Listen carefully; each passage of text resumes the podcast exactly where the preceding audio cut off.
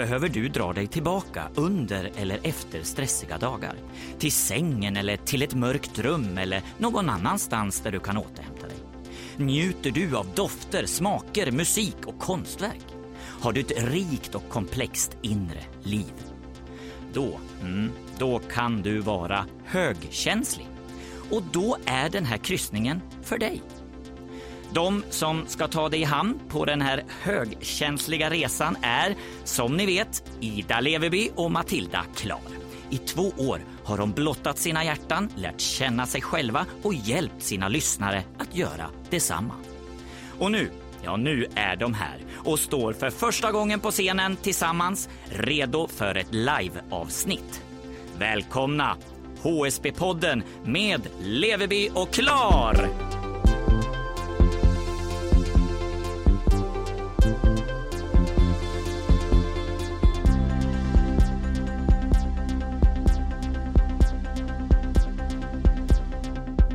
Fan Matilda.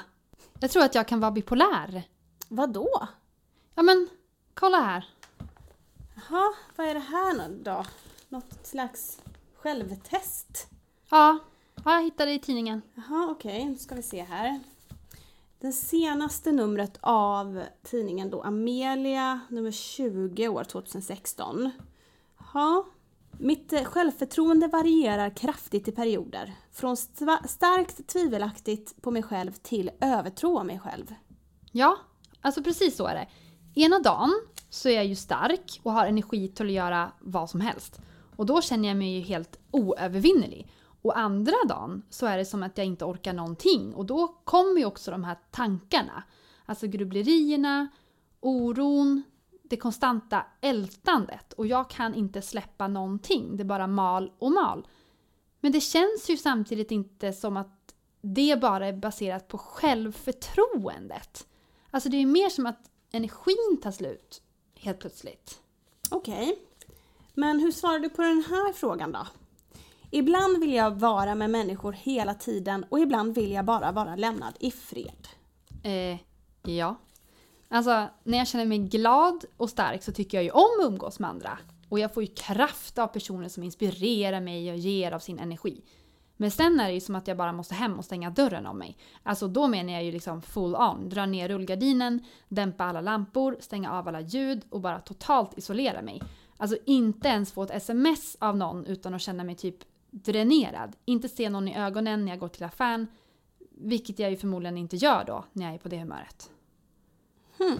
En fråga till. I perioder kan jag göra överdrivna, tokiga och riskabla saker. Aldrig. Nej. Nej. Alltså jag har ju, peppar peppar, aldrig skadat mig. Alltså jag är extremt bra på att kalkylera eventuella risker. Jag gör aldrig någonting farligt, alltså hur litet det än kan vara. Och det här är ju någonting som jag har tänkt på verkar gå i familjen. Det här Okej. sättet. Jo men alltså jag minns ju att min pappa typ höll kurser för oss barn om riskmedvetenhet i hemmet. Jaha. Han fick ju oss att hålla upp och visa händerna så här i bilen medan eh, han skulle stänga bildörren så att ingen av oss skulle klämma fingrarna i dörren. Och vi fick aldrig gå eller röra oss och dricka vatten ur glas samtidigt. Nej. Vi var tvungna att stå still för annars kunde vi ju på något vis slå ut tänderna på glaset om vi Just det. skulle ramla liksom. Och vi fick inte äta popcorn liggandes för då kunde vi sätta i halsen och dö. Ja, ja men, det, alltså det, här, men det här, så det här fortsätter ju. Han lärde till och med katten att titta till vänster och höger innan han korsade vägen utanför vårt Nej. hus. Jo, på riktigt. Är det sant? Så okej, den här frågan verkar du inte känna igen dig på då. Men den här då? I perioder sover jag mycket mindre utan att det påverkar mig. Nej, nej. Nej. Nio Nej. timmar. Annars blir jag ett vrak. Inte sju, inte åtta, inte åtta och en halv. Nio. Varje natt.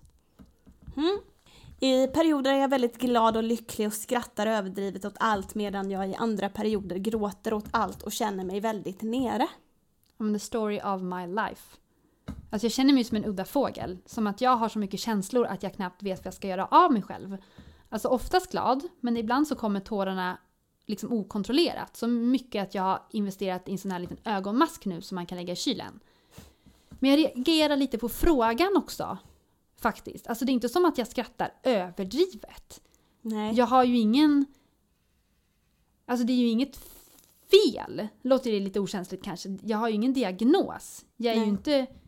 Men jag är väl inte bipolär då? Nej. Det känns ju inte rätt. Men det är fortfarande någonting. Men vad?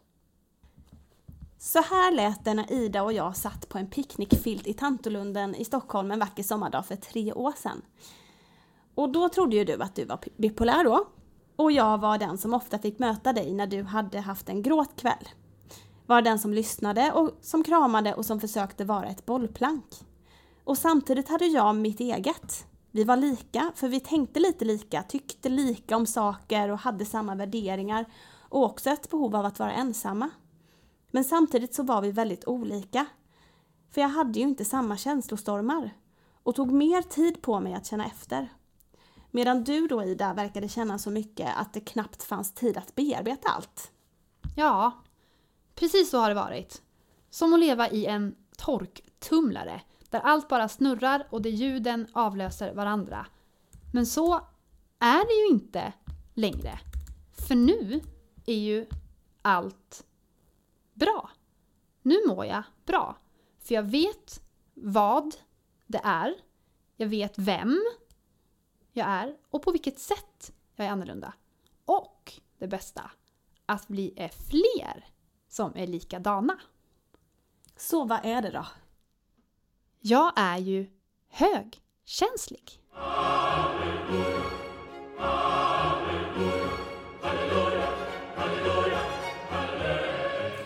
Kom det mycket känslor, precis som det brukar med dig. Men om vi ska ta det här till en konkret och vetenskaplig nivå, som jag då brukar göra. Vad är det då att vara högkänslig? Och vi brukar ju prata om de fyra pelarna.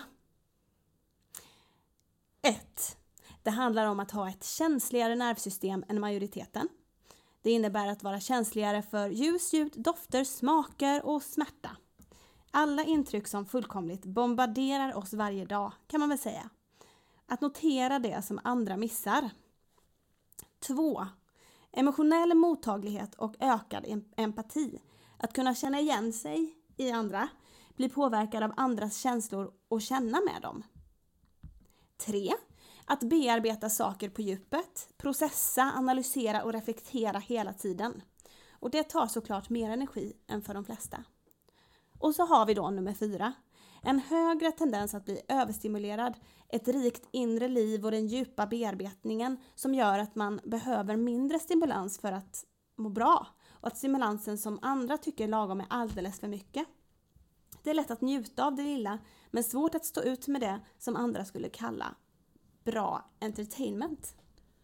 Alltså ni har ju säkert gjort HSB-forskaren Elaine Arons självtest. De flesta här skårar nog väldigt högt på det. Ja, förutom jag då. Eller har vi några andra anhöriga här som inte är högkänsliga? Hej hej! Vi kan snickeli snacka lite sen i pausen kanske. Men skämt åsido, Ida. Hur vet man då att man är högkänslig? Alltså innan jag gjorde själva testet och kunde svara på det så förstod jag nog vem jag var, eller vem jag kanske inte var då, i relation till andra. För ingen verkade ju vara som jag. För jag verkade ju känna och uppleva allt så starkt. Mm. Alltså som att hjärtat gjorde fysiskt ont. Och som att jag hade känselspröt som till och med kunde ta sig runt hörn och veta hur folk mådde.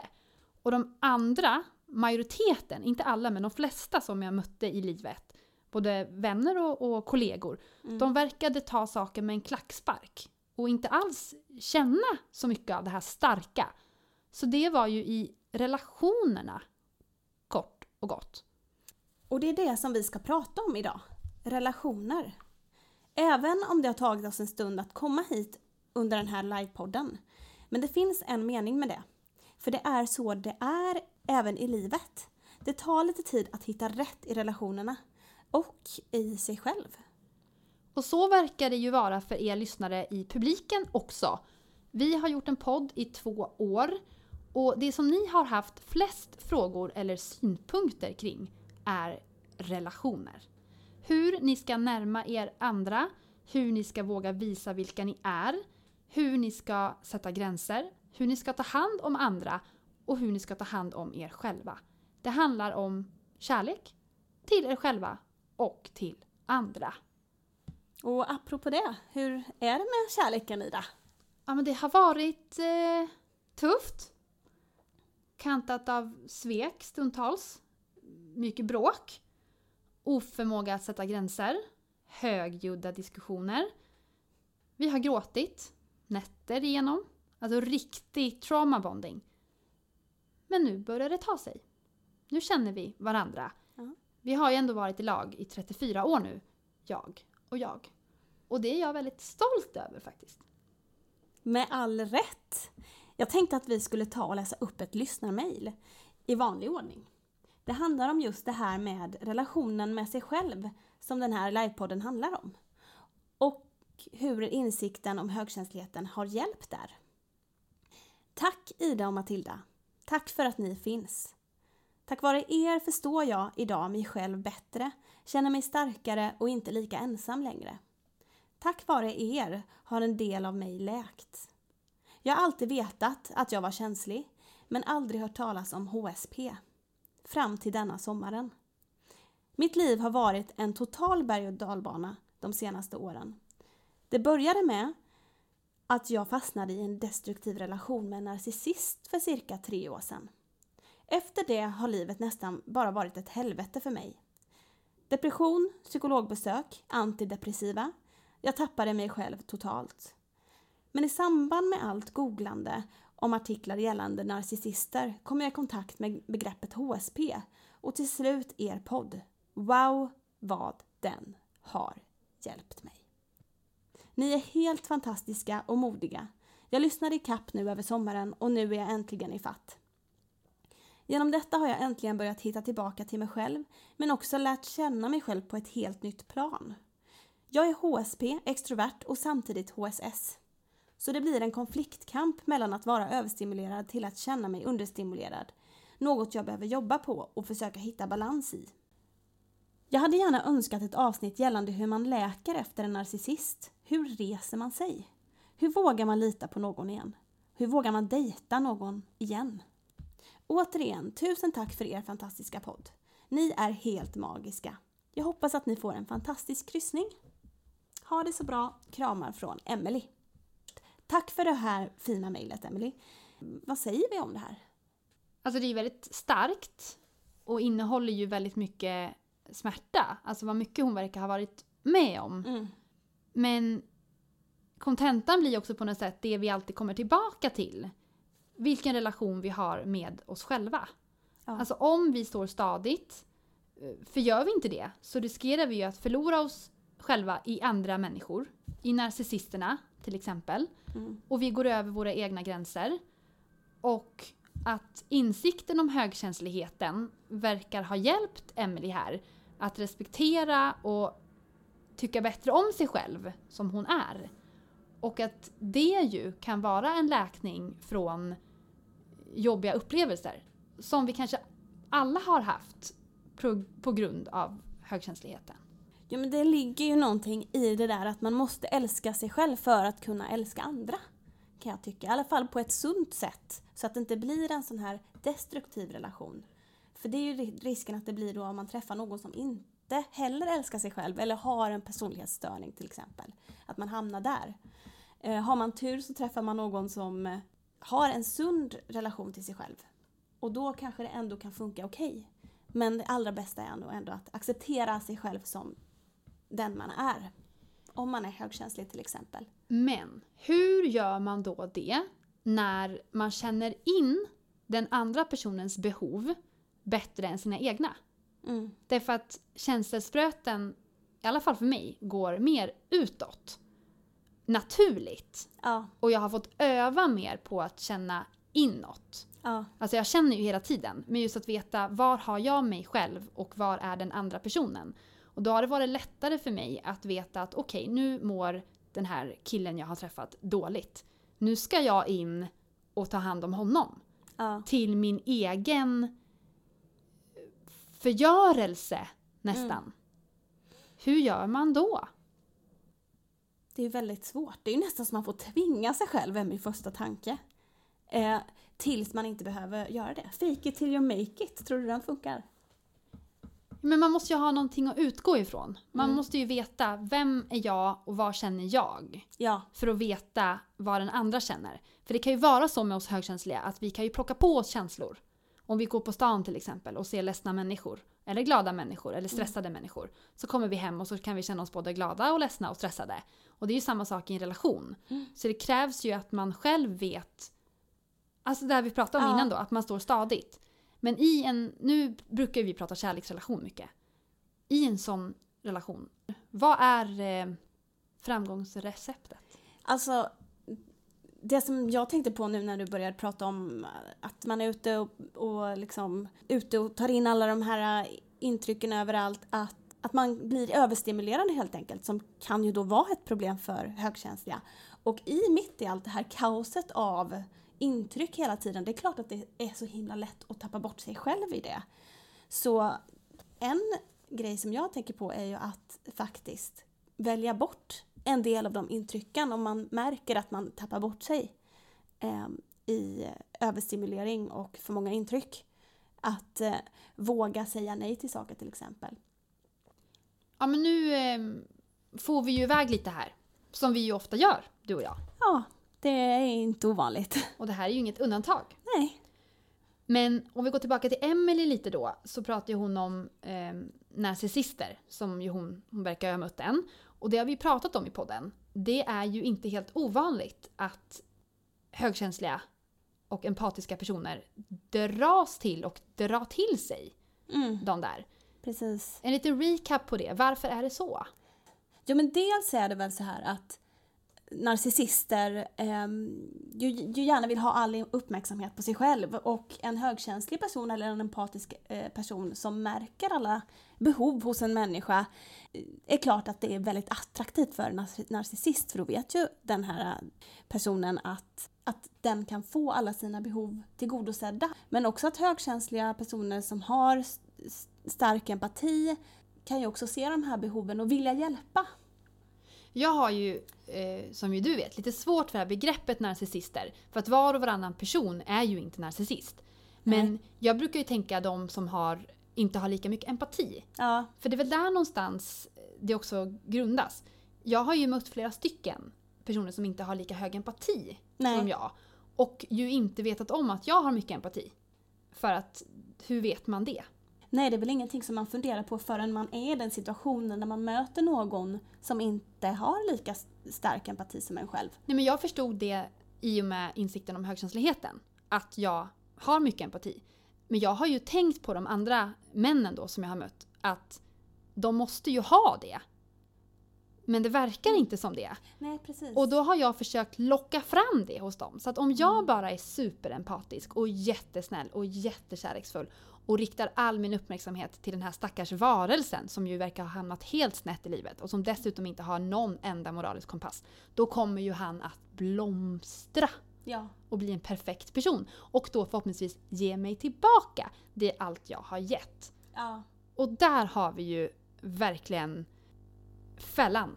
ja, precis. Det blir ju också som en magnet.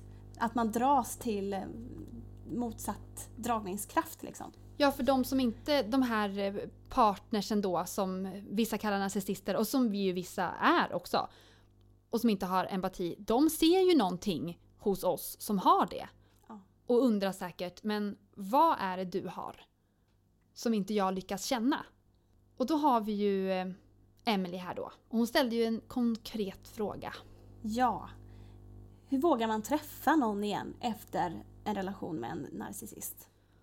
Och det här avsnittet ska ju handla om kärlek och relationer. Och vi ger och tar lite grann här. Det här kan ju också appliceras på om man har blivit sviken. Ja, absolut. Och det har vi väl alla blivit. Eller om man inte är så öppen med sina känslor. Om man är Mm. lite mer int- introvert så kanske man inte berättar om allt hela tiden. Precis. Som jag gör till exempel. Hur gör man då? Jag tror att vi får gå tillbaka till det som vi har sagt egentligen under hela avsnittet. Att känna efter vad man själv är värd. Och hålla ganska starkt på det. Eh, och, och kunna vara trygg i och vila i det. För att det man är rädd för är att man ska dras iväg med ytterligare en charmör som tar en kanske med storm i början och sen så eh, visade sig inte alls vara på det viset. Eller, eller att man kanske faller för en redan från början till synes inte så empatisk eller snäll eller trevlig person. Om man hela tiden kan stå i, vara i balans och vara trygg med, att, med vad man själv är värd och vem man är så behöver man inte vara lika rädd tror jag för att trilla dit igen. Då vill jag ge ett praktiskt tips som jag har använt mig mycket av. För för att veta allt det där, som ju låter så himla bra, Ja. så måste man ju också känna in sig själv. Mm. Jag börjar ju varje morgon med en meditation Mm. på 15 minuter. Där jag känner efter. Var är jag? Ida, hur mår du? Är du ledsen över något? Har du ont i någon del av kroppen? Är du orolig i magen? Grubblar du över någonting? Ältar du över någonting? Är du ledsen för att någon har sagt något? Och då kan jag liksom gå igenom det. Och där någonstans vet jag att så här. Okej, jag mår så här på grund av det här. Eller, ja men nu mår jag ganska bra. Då vet jag att det här är min utgångspunkt idag. Då har jag liksom dockat Ja, med mig själv. Och när jag möter någon annan då, till exempel när jag var singel och gick på dejt. Mm. Och den andra personen, om jag helt pl- plötsligt börjar känna mig illa till mods eller nervös. Då visste jag att det här är inte jag. Nej. Det är någonting med den där personen som, inte, som jag inte mår så himla bra av. Ja, precis. Kanske samma sak om man känner efter då på, på morgonen eller när man nu vill meditera eller känna in sig själv. Att idag är jag visst lite svagare än vanligt. Att man då kanske kan vila i att eh, idag kanske jag ska vara lite försiktig. Mm. Med liksom känslor och känsloyttringar och, eller vad det nu kan vara. Jag kanske ska hålla mig borta lite från den typen av aktiviteter om man säger så. Vad tror du om det? Tycker du att det stämmer? Men definitivt. Och sen också det här med att om man står med ena foten i sig själv och den andra i en ny relation. Då behöver man ju inte betala ett pris. Nej. Man behöver ju, som du sa, man behöver inte alltid vara rädd för att fara iväg. Nej, Man måste ju också lita på sig själv. precis. Att man alltid kan komma tillbaka. För självklart kan det ju vara så hur många liksom, skydd man än sätter upp och man är superförankrad i sig själv och vet sitt eget värde och älskar sig själv och accepterar sig själv och vet vad man vill ha och så vidare. Så kan man ju ändå bli sviken. Det finns ju inget totalt skydd mot det. Men då att veta att jag kan komma tillbaka, studsa tillbaka och det är okej. Och eh, jag kan bli sårad men jag klarar av det. Vet du vad min mamma brukar säga? Nej. Ida, det finns inget kvitto på livet. Nej. Man kan inte få ut i förskott hur allt kommer att bli. Man kan inte garantera att man inte ska bli sårad. Till exempel. Man kan inte få kvitto på det. Hon är väldigt klok din, din mamma. Det är hon. För Verkligen. det får man, måste man nog inse för att eh, våga. Så nu har Emily kanske fått ett svar. Om man nu befinner sig i den situationen där man har hittat en riktigt bra relation så vet ju vi att det fortfarande finns eh, fallgropar Ja. och att det finns saker man kan göra för att eh, förstärka de här banden. Ja, absolut. Jag har ett allmänt tips. Generellt tips som inte mycket handlar om högkänsligheten fast det gör det på ett, på ett plan. Ni kommer säkert eh, mär- märka vilket plan jag menar. Det är nämligen så att det finns 32 frågor som man kan eh, ställa sin partner som gör att ens partner blir kär igen. Det här kan ju vara helt nya personer man dejtar eller kanske en, en eh, person man redan är ihop med. Vet du varför jag tycker att det här ändå hör ihop lite med högkänsligheten? Nu kanske jag förstör din poäng, Ja. men är det inte Elaine Aron som har varit med och utformat det här kärlekstestet? Det stämmer bra. Och Elaine Aron, som ni säkert vet, är ju den som forskaren som myntade begreppet högkänslighet. Och hon har ju också arbetat med att ta fram de här frågorna tillsammans med sin man. Så det är ett tips för att förstärka sin relation. För det är ju så att högkänsliga behöver ju djupa band Mm. med eh, partnern. Och eh, man kan ju vara tillsammans med någon som är känslig, som inte är känslig, som är högkänslig. Det kanske är lättare, har vi pratat om, för eh, högkänsliga Mm. att förstå varandras behov. svårare verkar det vara för eh, de lyssnare som är högkänsliga och som är tillsammans med någon som inte är det. Mm. Det är svårare för de två parterna att förstå varandra. Mm. Men då har vi ett litet tips här då. Ja, för att där finns ju då de här fördjupande frågorna som, som handlar liksom om barndomen eller högsta drömmar och sånt där. Så, och det kanske ändå är en så här rolig grej man kan göra med sin partner. Som blir lättsam men ändå djup. Men då verkar det som att det finns hopp för alla i publiken. Sannerligen. Men du Ida, när vi satt där på filten i Tantolunden sommaren 2016. Trodde du att vi skulle stå här idag då? Och tycka om oss själva? Nej. Nej. Så, alltså, så länge som jag har legat på golvet och gråtit över allting som har varit eh, jobbigt i livet och allt som har känts så mycket så trodde jag inte det. Men jag har rest mig tillsammans eh, med mig själv, tillsammans med dig och med alla högkänsliga som ju har peppat och hejat på och som ju hjälper till. Och det är ju i sig en resa som vi alla har varit med på som har lett fram hit Mm. idag. Och nu är det dags för den resan att fortsätta. Men för att veta hur den utvecklar sig så måste ni lyssna på nästa avsnitt av podden. Tills dess, tack ännu en gång för att ni har lyssnat.